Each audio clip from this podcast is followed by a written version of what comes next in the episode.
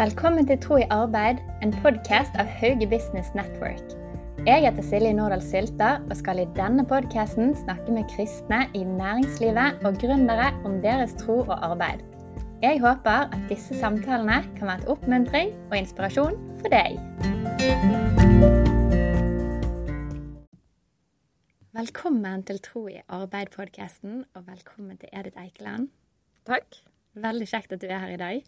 Jeg husker jo at jeg møtte deg eh, for en god del år siden og var med på sånn ledertrening i Skaperkraft. Og jeg syns det var så inspirerende å møte deg. Så jeg gledet meg eh, til å møte deg igjen i dag. Ja, dette er veldig spennende. Det er veldig gøy at du tar kontakt i etterkant. Så vil jeg høre litt. Hvem er du? Edith Eikeland. Eh, jeg er 42 år. Kommer egentlig fra Stord. Men nå bor jeg i Oslo og har bodd her i kanskje 12-14 år. Ja. Her er jeg eh, har mann og tre barn. Og full jobb. Så det er, jeg føler livet er busy. ja. Eh, det var jeg som sa til meg når jeg fikk mitt tredje barn har du ikke fritidsproblem. Og det stemmer, jeg har aldri fritidsproblem. Det er, det er full rulle, men det er veldig, veldig fint. Mm. Ja. Utdanningsbakgrunnen din? Um, ja, tenkte jeg skulle dele litt, siden det handler om tro, at det her så faktisk troa mi litt inn. Kanskje ikke direkte, men litt mer sånn indirekte. Mm. Men uh, når jeg gikk uh, siste år på gymnaset, så var jeg veldig usikker på hva jeg skulle gjøre etterpå. Og da ba jeg til Gud. Hva skal jeg gjøre til neste år? Eller jeg begynte ikke der. Jeg begynte Jeg hadde en ønske om å ta, gi neste året mitt til Gud. At han mm. kunne bruke det sånn som jeg ville. Men fra det ønsket til å faktisk be hvor vil jeg skal gå, var en lang prosess for meg. Mm. Så, men til slutt så liksom, klarte jeg å be liksom, Gud, hvor skal jeg, hvor skal jeg være til neste år? Mm. Hvorfor var det en lang prosess? Uh, jeg var Du er liksom redd for hva som kan skje, da. Det verste var liksom jeg sendte misjonert til et eller annet afrikansk land. Det var liksom, det, det verste du var liksom tanken på var liksom helt fjern. Så, så selv om jeg hadde en tru og en kristen oppvekst, så, så var jeg kanskje ikke helt linka på Gud på alle ting ennå. Så jeg var liksom redd for hva svaret kunne være. Men når svaret, så kom jo svaret at jeg skulle dra til Jerusalem. Av alle plasser skulle vi dra rett ifra Stord til Jerusalem. Um, så kom det med sånn fred, så jeg visste at det var fra Gud. Ja. Hvordan fikk du det med Jerusalem? Nei, det kom jo fra Gud at jeg skulle til Jerusalem. Ja. Um, og dette er jo over 20 år siden, så det er jo lenge siden. Og det er jo sånn politisk eh, verkebyll. Det er jo, um, og det var ulo urolige perioder når vi var der nede òg. Men det er liksom, jeg tror det var den første erfaringen der Gud på en måte sa Jeg gjorde hva Gud sa. Jeg tørte å åpne opp for det. Det er veldig viktig for meg for det som kom etterpå. Og det var jo fantastisk å være et år i Jerusalem. Altså, Tenk deg en verden utenfor Vestlandet. En verden jeg ikke trenger å gå med allværsjakke. Det, det var helt amazing. Mm. Det var varmt. Du skal gikk med sandaler etter kanskje sånn oktober-november. Brukte ikke sokker. Så det var sånn, sånn skikkelig sånn eye-åpner for verden. At oi, fins dette? Har Gud skapt dette? Mm. Det påvirker meg òg til å ønske å ta utdanning innen reiseliv. Ja. Fordi åh, jeg ville se verden. sant? Jeg var ung 19-20 år, jeg ville reise til verden. Nå går jeg på reiseliv og tar en reiselivsutdannelse. Mm. Um, så jeg dro til England etterpå, etter jeg var i Jerusalem, mm. og um, tok en bachelor i reiseliv. Mm. Bare for å hoppe litt tilbake, hva var det du gjorde i Jerusalem? Jeg jobbet på et gjestehus ja. sammen med to venninner. Ja. Mm. Så hvorfor Eller hva tror du Gud mente med å, med å sende deg der? Det er kanskje flere ting, men det, jeg tror det viktigste for meg eh, var nok at jeg kunne stole på han. At når jeg turte å be den bønnen, så ga han meg et år i Jerusalem som var helt fantastisk. Mm. Det er den ene tingen. Den andre ting er jo bare da å være i Jerusalem, å bli lommekjent i Jerusalem. Mm. Eh, se Betlehem. Eh, dra til Jaffa. Mm. Eller Joppe, som det heter i Bibelen. Så se disse bibelske plassene og få det i en kontekst dra opp Jordandalen, sykle rundt Genesaretsjøen. Det er en sjø du kan sykle rundt. Mm. Altså Du får liksom begrep på, um, på landskapet som Jesus og Bibelen er i. Det var veldig, veldig fint. Å få det liksom litt under huden. Mm. Um, se Jeriko, se gamle byer. Kristne bruker av og til et ord som befester tro, på en måte. Tro på en måte blir liksom litt befestende. bare å se alle disse områdene og vandre i de, liksom. Mm. At du fikk se at det var faktiske steder. Det, det faktiske steder. Og så en tredje dimensjon som òg var veldig viktig. Det var egentlig å, å se hvordan jødene levde. Altså I Jerusalem så er jødene Mange av de er veldig religiøse. Det er ikke sånn i hele Jerusalem, men i Jerusalem så er veldig mange religiøse. Å se den å se den religiøsiteten som egentlig er veldig lik Bibelen. Sant? De lever veldig liksom som det står der. Og var veldig fascinerende å sitte med Vestmuren eller Klagemuren på fredagskvelden og se alle som kommer når sabbaten begynner. Eh, Sola begynner å gå ned, og folk som kommer og danser og hopper og ber foran Vestmuren. Butikkene mm. stenger. Eh, da kommer sabbaten og stenger de butikkene. Og så eh, lørdagskvelden så er det fantastisk. Da åpner alt igjen. Da mm. åpner restauranter, og da er det liv i gata igjen. Og så bare liksom skjønner den der sabbaten, og så leser Bibelen om sabbaten, så ja, ja. Solo går på solo. Det var veldig, veldig lærerikt. Mm. Sitter veldig sånn, sitter i meg ennå, mm. mange år etterpå. Så, og så etter det da dro, du videre til England? Ja, så da dro jeg til England, for jeg skjønte jo altså Jeg reiste litt òg, litt her og litt der. Mm. Og så skjønte jeg at jeg kan jo ikke engelsk. Mm. og det var litt sånn pinlig å skjønne at jeg ikke kunne engelsk. Men det, okay. Så hvis du skal se verden og lære meg engelsk og få utdanning. Da kan jeg reise til utlandet. Reise til England. Da må jeg lære meg engelsk, snakke engelsk. Mm. Og så eh, kom jeg ut av Norge, liksom. Og så ble det liksom sånn, sånn kinderegg, da. Mm. Så da reiste jeg til England, tok bachelorgrad i reiseliv. Eh, og lærte meg engelsk. Det første året var jo Spesielt første halvår var ganske tøft. Ja, Når du ikke skal studere og du ikke kan språket? Ja, ja, ja. Nei, nei. jeg husker ennå jeg kom i sånn, jeg bodde i sånn kollektiv, jeg heter det Student Halls, og da kom noen og spurte meg Hi, how are you? Jeg skjønte ikke hva de sa. Og det er jo basic engelsk, men hvordan kunne jeg lært how do you do? Ja. Å, jeg er så flaut å tenke på. Så det var jo et veldig røft halv, første halvår spesielt røft, og så kom det seg. Mm. Så det er veldig gøy å se tilbake på at jeg har skrevet akademisk engelsk. Altså jeg har bachelorgrad, jeg tok til og med mastergrad i etterkant, mm. som er skikkelig bra akademisk engelsk. Så det er sånn, det er, ja, men det er kanskje jeg liker å utfordre meg sjøl òg, og, og å gjennomføre. Mm. Og når du hadde tatt den bacheloren i reiseliv, hva gjorde du da? Da får jeg hjem igjen til Norge og, og jobba litt innen reiseliv um, et par år. Og så skjønte jeg at dette, dette er ikke meg. Mm. Dette er ikke her jeg er mine sterke sider. Så jeg måtte liksom tenke igjen. Hva, hva er jeg god til? Hva liker jeg? Hva kunne jeg tenke å jobbe med i fem år? Um, så tok jeg den prosessen, og den skulle jeg selvfølgelig ta tidligere. Sant? Før jeg mm. begynte på skole eller høyere utdanning. Men så tok jeg den da, og så kjente jeg at OK, logistikk, da er meg. Mm. Um, det som er fint med England, det første hadde en bachelorgrad for England, så kan jeg dra tilbake og ta en mastergrad. Så det var veldig enkelt for meg å dra tilbake. Så da dro jeg tilbake til London, en sånn fantastisk by, mm. uh, og tok en mastergrad i logistikk. Så, og da da kjente jeg nå er jeg på riktig hylle. Nå begynner jo ting å bli bra her. Ja. Nå er dette ting som er spennende å studere. Jeg har lyst til å jobbe videre med. Ja, Hva er det du liker med logistikk? Det, er en flyt. Den, den det, er en, det er veldig praktisk. Det er en flyt av informasjon eller varer. Det er logisk. Det kan jobbe med effektivitet.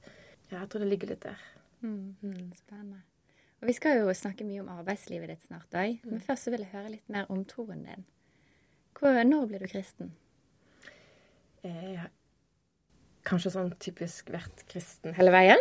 Mm. Eh, vokste opp i en kristen heim. Mm. Eh, gikk på bedehus og sånne ting hjemme. Så tror jeg da den, Spesielt den der turen til Jerusalem på en måte gjorde at troen ble sånn sterkere, på en måte. Mm. Men eh, det som jeg har med meg fra barndommen, som, eller ungdommen, mm har vært veldig viktig for meg, er at eh, jeg tidlig, eller sånn, kanskje sånn, kanskje sånn 16 år eller noe sånt, 15 kanskje, så, så skjønte jeg at Gud elsker meg. Mm. Jeg husker jeg kunne kikke dette liksom, Jeg ler litt, for jeg leser det som film. Men jeg husker jeg kikka meg sjøl i speilet, så sa jeg først inni meg Er det du er perfekt? du er perfekt, for Gud elsker deg. Og da sa jeg inni meg over tid. Så sist så det. Er det du er perfekt, for Gud har skapt deg, og Gud elsker meg. Mm. Og med å si det til meg sjøl mange ganger, til sist så trodde jeg på det. Mm. Og det er egentlig veldig fint å gå gjennom ungdommen og livet etterpå med den trua at jeg er elska, Mm. at Gud har skapt meg, at Gud elsker meg. Det er veldig, veldig fint grunnlag å ha med seg videre. Så den kan være litt sånn tidlig. Hvor lang tid tok det fra du begynte å si det i speilet, til du opplevde at nå, nå kjenner jeg det? Det husker jeg ikke. Det er for lenge siden. Men det var en prosess, og det er Det var en litt litt. prosess, sant? Så jeg begynte først inni meg. Til slutt så turte jeg å se det høyt. For meg sjøl. Mm. Og så hadde Jerusalem òg, som kom liksom, ja, begynnelsen av 20-åra, som òg var veldig sånn Da tror hun satte seg kanskje enda mer. Og igjen kom det der at Gud elsker meg. Tenk at han ga meg dette fantastiske året. Det var jo et friår, du gjør helt noe annet, og så var det været, og så var det um, å se Bibels områder, og, og, og skjønne meg på jødedommen. Og, altså, det ga meg så utrolig masse. Så på en måte så ble, så ble det sånn tryggere, enda tryggere på at Gud elsker meg. Han ga meg det fantastiske det året. Mm. Um, en annen sånn pussig episode som jeg ennå egentlig ikke forstår. Men det var sånn For seks-sju år siden var vi en venninnegjeng som Eller det var en venninnegjeng som vi diskuterte å dra til New York. Og så var jeg veldig usikker på hvor jeg skal dra. Om jeg skal dra eller ikke dra. Det høres veldig rart ut, for jeg hadde tid til det, jeg hadde penger til det, men jeg klarte ikke å bestemme meg. Skal jeg dra, skal jeg ikke dra? Mm. Hva var det som gjorde deg så usikker? Nei, jeg hadde ikke klart helt å lande. Og så bare OK, du får bare be til Gud, da. Og så sier han du skal dra til New York. Jeg bare tenkte dette er rart. Du sier jeg skal dra til New York, men jeg dro til New York, og det var en helt sånn vanlig jentetur med shopping og sightseeing og kjempekoselig. Og jeg traff noen En Jeg fra Norge som bodde der, og en annen som jeg ble kjent med, som jeg traff der. Så det var en sånn, sånn vanlig tur. Eh, Jeg bare syns det er så fint at Gud kan svare på en New York-tur, Ja. som egentlig er helt sånn Mm. ilandsproblem, på en måte. Ja. veldig sånn fin ja, litt sånn random ting. Eh, Jeg skjønner ikke hvorfor jeg, hvorfor jeg dro dit, hvorfor jeg skulle være der. Det kan jeg ikke liksom peke på noe i etterkant, men med sånn rart bønnesvar som man kan gi. Mm. Mm. Det er en erfaring av at han bryr seg om hele livet. Ja. Og det, og det gøye. Ja. Mm. Ja, det er kult. Har du noen hverdagsrytmer med Gud? Under studietida mi eh, så har jeg vært veldig masse alene kristen. Mm. Studietid og egentlig jobb. Så det har vært veldig sånn Det er meg som er kristen. Så, og det jeg har sånn vane hele veien, det var å lese et kapittel i Bibelen hver kveld. Mm.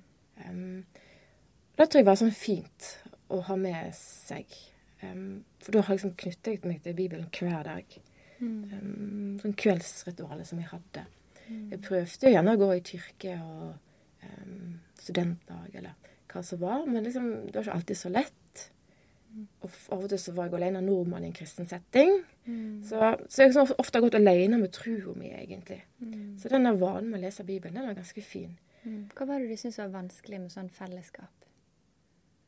Det var ikke vanskelig, men det ble kanskje litt annerledes. Og Ja. så var jeg Ja. At du ikke følte deg helt hjemme, på en måte? Eh, du, du Det er jo mange kristne retninger. Mm. Og så er du vokst opp i én, Mm. og så sitter jeg kanskje en annen nå, og så har det kanskje vært en reise, og så treffer du ulike ting når du f.eks. kommer til England, eller jeg var i Canada en periode. Du treffer liksom ulike ting Mm. som eh, ja, Og noe er veldig fint. Mm. Men så er det òg veldig krevende å, å, å gå på møte alene, f.eks. Mm. Ja, når du ikke kjenner noen. du ikke du har noen å gå sammen med, så er det veldig krevende. Mm. Eh, Det er ikke alltid blir møtt. Mm. Det er ganske tungt. Um, Samtidig som jeg har så gode erfaringer med det òg. Nå sier hilsing er veldig liksom Mm. Det skjer mye der, men jeg hadde veldig fin erfaring da jeg tok mastergrad med å gå i hilsing. Det var fantastisk fint. Og det liksom ble sett fra første møte og ble ivaretatt. Mm. Det var veldig, veldig fint. Og der fikk jeg fort venner, og det har liksom folk som jeg har truffet i etterkant òg. Så der, der var det veldig lett, på en måte, å komme i en gjeng. Mm. Du skal liksom finne hvor går du. Har du hatt noen sånn fellesskap eller vennskap som har vært viktig for deg i forbindelse med tro på arbeidsplassen? Nei, jeg har egentlig gått veldig masse alene. Mm. Men jeg ser jo nå, eksempel når jeg begynner å få barn, da, så klarer jeg jo ikke å lese kapittel Bibelen på kvelden, fordi jeg sovner jo før hodet lander på puta. Ja. Så jeg måtte liksom eh, omdefinere den. For jeg kjenner at det er veldig fint å ha litt tid med Gud. Eh, så jeg har jo gjerne brukt Hvis jeg kjører på jobb, eh, så har jeg ofte på en podkast på vei til, til jobb. Mm. Da har jeg en alenetid. Det er veldig ja, sjelden en egentlig har alenetid. Hører på en podkast eller lovsang, og det, liksom, og det, er veldig godt. Hver morgen så har jeg gjort det når jeg kjører til jobb. Så det er litt vanskeligere liksom på hjemmekontor. Mm. Um, men det kan jeg ha gjort av dere òg når jeg eh, sitter på badet og sminker meg, eller jeg har liksom litt tid alene. Liksom, har litt sånn egen tid med Gud. Ja. Jeg tror flere har kjent på det både òg i forhold til det å miste reisetiden. Ja. Man har mistet noe egentid der. Ja. Mm. Og tid som mange har pleid å bruke med Gud òg. Mm. Bønner. Ja. Nå er jeg veldig, jeg gleder meg veldig til å høre mer om arbeidslivet ditt. Så du var ferdig med en master i London. Hva mm. skjedde mm. etter det? Da begynte jeg å jobbe i Mesta, mm. som er et entreprenørskap, entreprenørselskap mm. som uh, Jeg jobba en del år med drift og vedlikehold av veinettet. Mm er supersært, men det var veldig, veldig gøy. Jeg jobba f.eks. med å kalkulere hvor mange brøytebiler trenger du på et geografisk område. Mm. Det var veldig spesielt. Men det var veldig, veldig fint å jobbe i det selskapet. Um, jeg jobber òg f.eks. med feiing, så det må vi ferdig med før etter snøen er gått, og før 17. mai. ja, så det er sånn, litt sånn um, sært. Men det var en plass der jeg fikk um, utvikla meg veldig fint.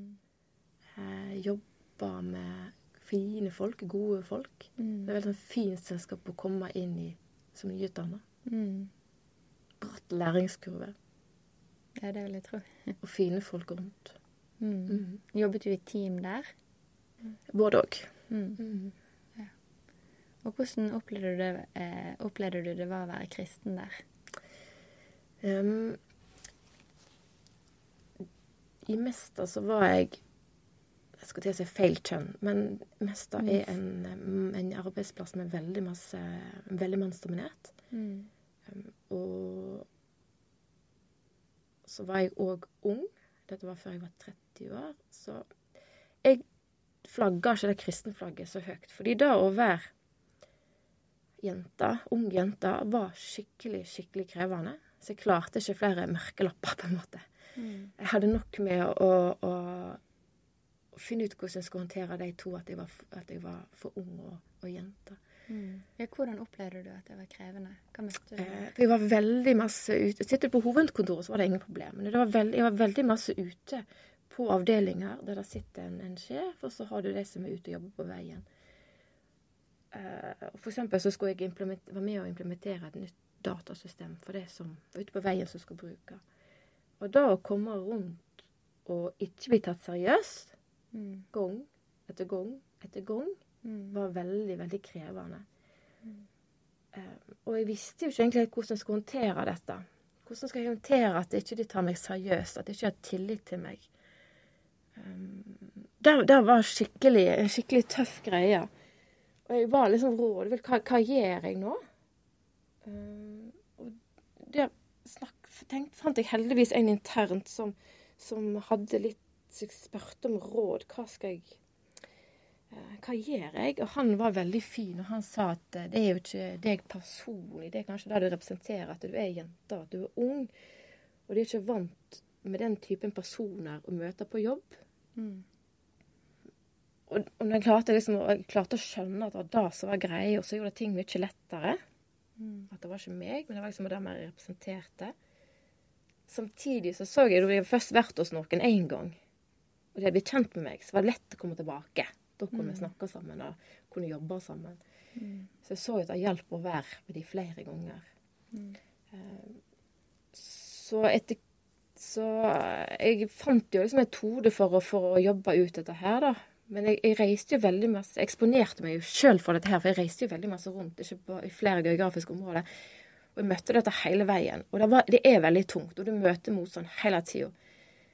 Jeg kunne sitte på samlinger som, um, som jeg hadde kalt inn til administrerende direktør, var det veldig mange var der. Når jeg gikk fram, så, så kroppsspråket til folk Liksom, dette her gidder vi ikke å høre på, sant? Ja. Og det er ganske heavy. Når du liksom eh, ser at kroppsspråket liksom vil lukke seg. Folk legger vekk penn. Folk bare ned personen. Dette gidder vi ikke høre på engang, for dette, her, dette, er, dette, har ingenting for meg å si. Mm. Uh, og da er det er ganske tøft når du har egentlig en rolle der du skal formidle noe. Og jeg visste at dette jeg kommer med, har betydning for deg. Mm. Jeg kjente selskapet så godt og jobba der over så lang tid, så jeg visste at det jeg kom med, var viktig for deg. Og jeg var òg ydmyk i form, og så ser du på kroppsspråk at det er så avvisende. Mm. Um, men, men um, jeg håndterte det etter hvert, da, som sagt. Ja, For hva gjorde du når du så at de lukket seg ned, og nå var ikke de interessert? En av de fine, fine tingene som jeg er veldig veldig glad over nå, er at den siste samlingen som jeg hadde før jeg slutta der, det, der så jeg ikke sjøl at kroppsspråk lukka seg hos folk. Ja. Det var kollegaene mine som så. Jeg, jeg la ikke merke til det engang. For jeg visste, jeg var så trygg på det jeg skulle si. Ja. Det var viktig, det var relevant. De trengte det at jeg så det ikke. Mm. For det kollegaen min òg sa, Edith, jeg så på kroppsspråket de som satt der. Hvor det sank sammen på alle sammen. Men så så jeg òg når du begynte å prate, hvor de reiste seg opp igjen og fant blyant og begynte å notere. Yeah. Så da var liksom kanskje den fine tingen, da. Mm. At jeg jobba så hardt og bevisst over så, og så lenge, så, så hjalp det. At uh, de to budskapene Jeg klarte å formidle det på en måte, måte som, de, som, de, trengte. Hvordan klarte du å jobbe opp den tryggheten? Jeg tror det, med, det ligger nok litt trygghet i Gud òg. At eh, Trygg i Gud. Og så er jeg god peptalker til meg sjøl. Mm. Det var noen ganger jeg måtte bare Edith, bare kjør på! Kjør på! Kjør på! Og det er jo ikke alltid det er så lett når du sitter i et rom, og det er bare mannfolk. Det kunne vært 20 mannfolk, eneste dame òg, og jeg skal ha et innlegg. Og du kan jo kjenne på litt presset. Og så var du ung, ikke sant. Og da må du liksom være peptalker til deg sjøl at dette er bra. Dette er bra i ditt. Dette kan du. Så det er bare å jobbe med det. Mm. Men, men, det krevde så utrolig mye. Så tilbake til spørsmålet. Der klarte jeg ikke å være så tydelig kristen, rett og slett. Fordi jeg, klar, jeg hadde ikke kapasitet til det. Mm. Men jeg skulle gjerne hatt et måte, nettverk der jeg liksom kunne snakket om disse tingene. Der det var liksom et tema å, å snakke om. Uh, og få litt input til håndtering av, av dette. Mm. mm. Et nettverk med andre kristne? Ja, med andre kristne. Mm. Som jeg ikke hadde. Mm. Ja. Spennende. Og så gikk du videre til Bama-gruppen? Først var jeg konsulent i et konsulentselskap. Ja, mm. ja, jeg jobba med, med lin, forbedringsarbeid, prosesser. Mm. Som var veldig fint. Veldig spennende. Mm. Da å komme ut til bedrifter som trenger hjelp, og prøve å hjelpe dem videre. Endringsledelse. Um, jeg syns det var veldig spennende. Det er um, Av og til kan jeg komme som konsulent, jeg kan komme utdannet og tenke åh, oh, du er med og ser noen der hos jobbe. OK, der trenger de litt bistand til å bli bedre. Der trenger de bistand, og der trenger de bistand. Mm. Hvis du da tar deg tid til å snakke med dem, så bare Ja, det kan hende vi trenger litt hjelp mer, men det er altså virkelig problemet er her og her og her. Mm. Og så begynne å jobbe med de tingene der det var veldig, veldig fint. Mm. Få litt sånn mengde, ja, og gjøre dem mye var veldig spennende. Mm. Ja, For da reiser du inn til ulike bedrifter for å hjelpe mm. dem med endring mm. konkret? Mm. De skal implementere noen nye programmer, eller Eller bare forbedre prosesser der de var. Ja. Og så gikk du videre til Bama. Ja. Da hadde jeg fått to barn, og jeg kjente at nå begynner hverdagslogistikken å bli krevende her. Så da skifta jeg til Bama, som var et større selskap. Eh, jeg begynte å jobbe på IT. Jeg hadde jo på en måte så langt egentlig jobba veldig masse med endring. Og så hadde jeg lyst til å jobbe mer med IT, for det er så spennende, og det skjer så masse på IT. Og så er det veldig implementeringer, liksom få i gang eh, nye IT-system. Det krever jo endring. Og så må vi jobbe med den biten der. Mm. Det er veldig fint. Så jeg var på IT-avdelingen i det vel i seks år, seks-sju år. Mm. I Bama, og det er veldig fint. Og Bama er et fantastisk spennende selskap. Eh, ja, med tanke på min bakgrunn som, uh, i logistikk. For jeg importerer jo frukt og grønt fra hele verden. Mm. Kjøp òg fra produsenter i Norge. ja, for når mange hører Bama, så tenker man bananer eller ja, Men hvis du går inn på Remi butikk, så er alt frukt og grønt er fra Bama. Sånn? Ja. Samme hvis du går inn på en Norgesgruppen sine butikker, Meny og sånn. Så frukt og grønt så er Bama importert eller kjøpt fra eh, produsenter eller gårder i Norge. Mm. Får inn til Norge. Mm. Og så sendes det ut til ulike butikker i Norge. Mm. Så det er veldig sånn logistikkmessig for varer inn, og så skal det, kvaliteten skal være god, og alt dette her, og så skal det ut til alle butikkene. Som- Hvordan fungerer den kvalitetssikringen? Det er masse jobb. Mm, Det er masse kvalitetskontroller hos, ute hos produsent og på, på veien. Transporten din skal ha en viss temperatur. Lager skal ha en viss temperatur. Det er kvalitetskontroll. Um, på, på hovedkontoret på Nyland Syd er kvalitetskontroll. kvalitetskontroll. Det er mye Det er veldig mer tilrettelagt. Ser nesten for meg at noen sitter og smaker på frukten, men det Ja, nesten. Ikke- ikke litt mer teknologi inn i bildet. Ja. Ja, det er gøy. Det er så spennende, og i tillegg, sånn tilleggsdimensjon i barma er at med en gang du tar og plukker ei gulrot fra jorda, om det er på en av gårdene i Lier som Eller, eller eh, eple som er plukka, eller appelsin som er plukka i Spania, på en måte. Med en gang du plukker eple eller er, så starter forråtnelsesprosessen. Så det er om å gjøre å få varene inn ut i butikken fort. Og det er veldig fint, syns jeg. At vi heller at du må jobbe med å, med å ivareta kvaliteten hele veien. Sånn. Noe må ha plastikk rundt, noe ikke plastikk rundt. Men liksom ivareta kvaliteten sånn at den kommer ut hjem til oss, fremdeles er god. Paprikaen er sprø. Avokadoen ikke er knust.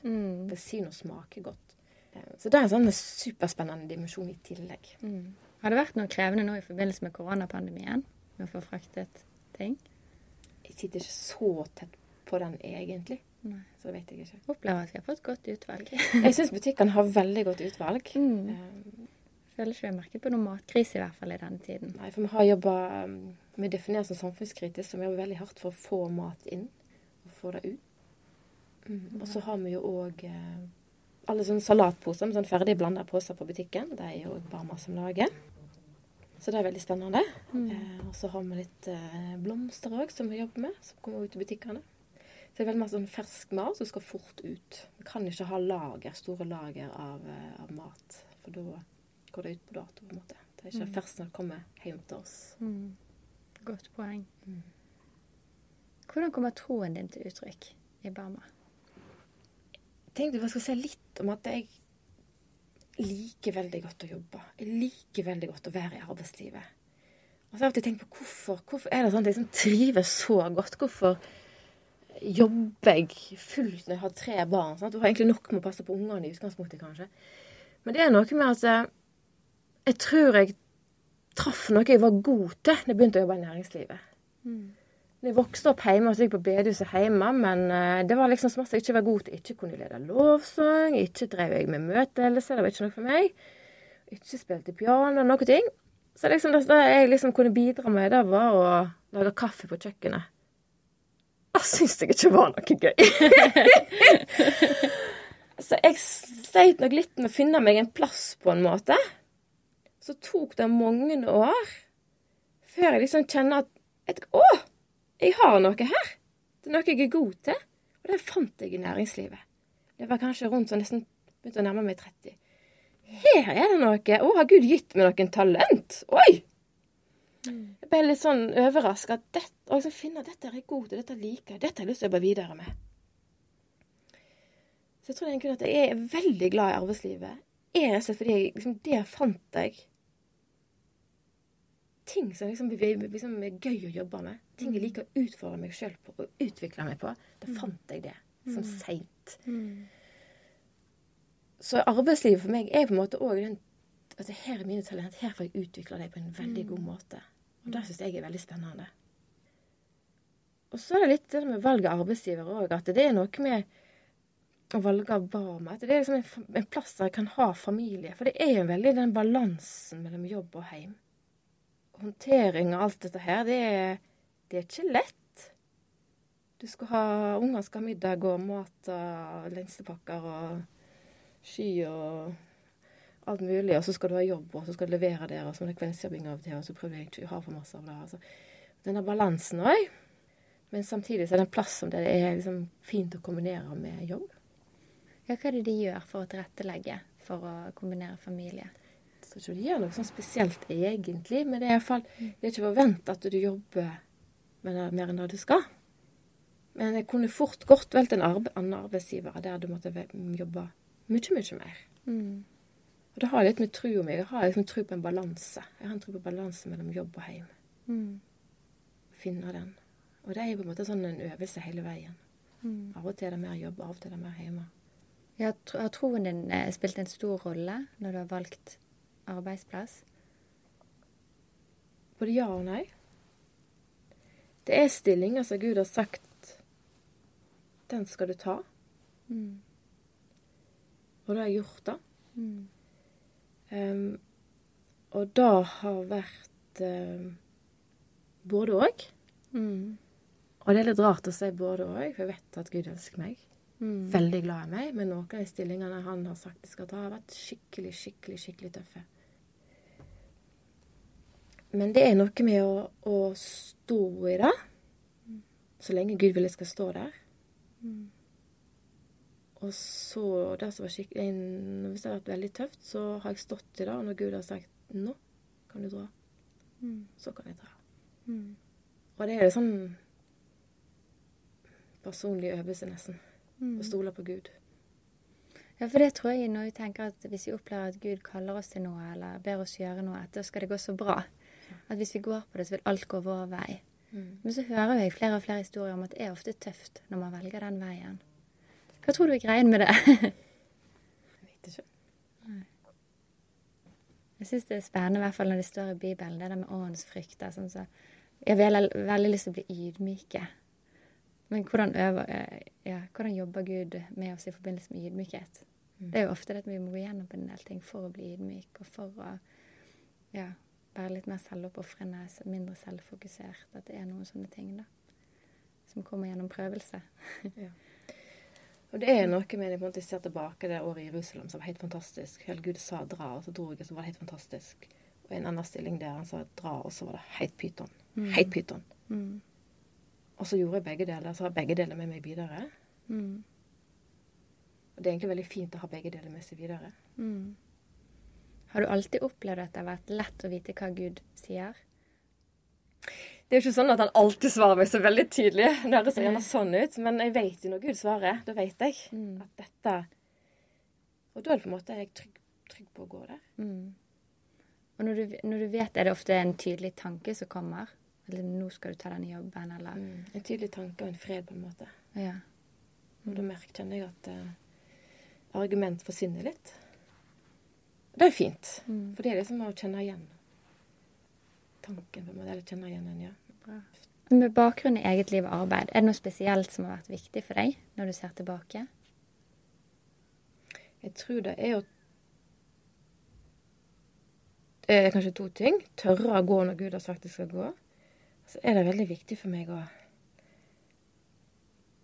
og liksom når jeg oppdager talentene mine, og se dem og bruke dem, har vært veldig, veldig fint.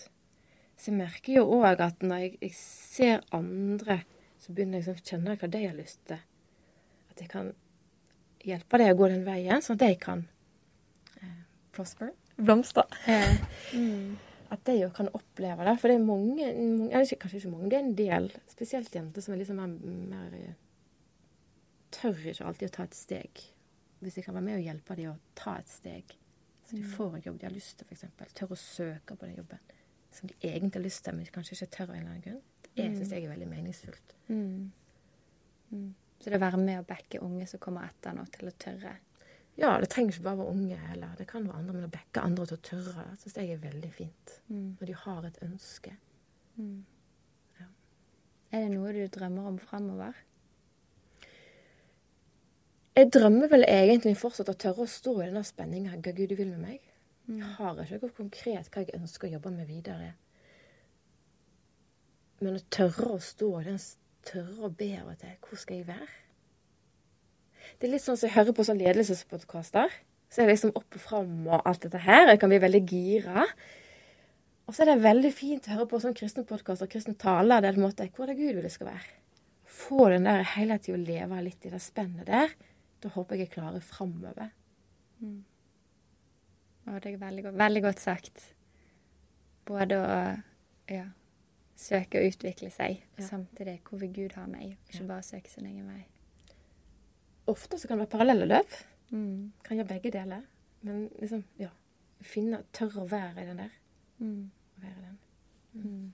Spennende. Nå går vi rett og slett mot en avslutning. Så da er det mitt eh, siste spørsmål til deg. er Hva er det du ønsker at lytterne her først og fremst skal sitte igjen med etter denne praten? Gud elsker deg og vil det beste for deg. Har en den tryggheten, så er det veldig bra. Kjempefint. Tusen takk for at du var med oss i dag, Edith. Takk for at jeg fikk komme.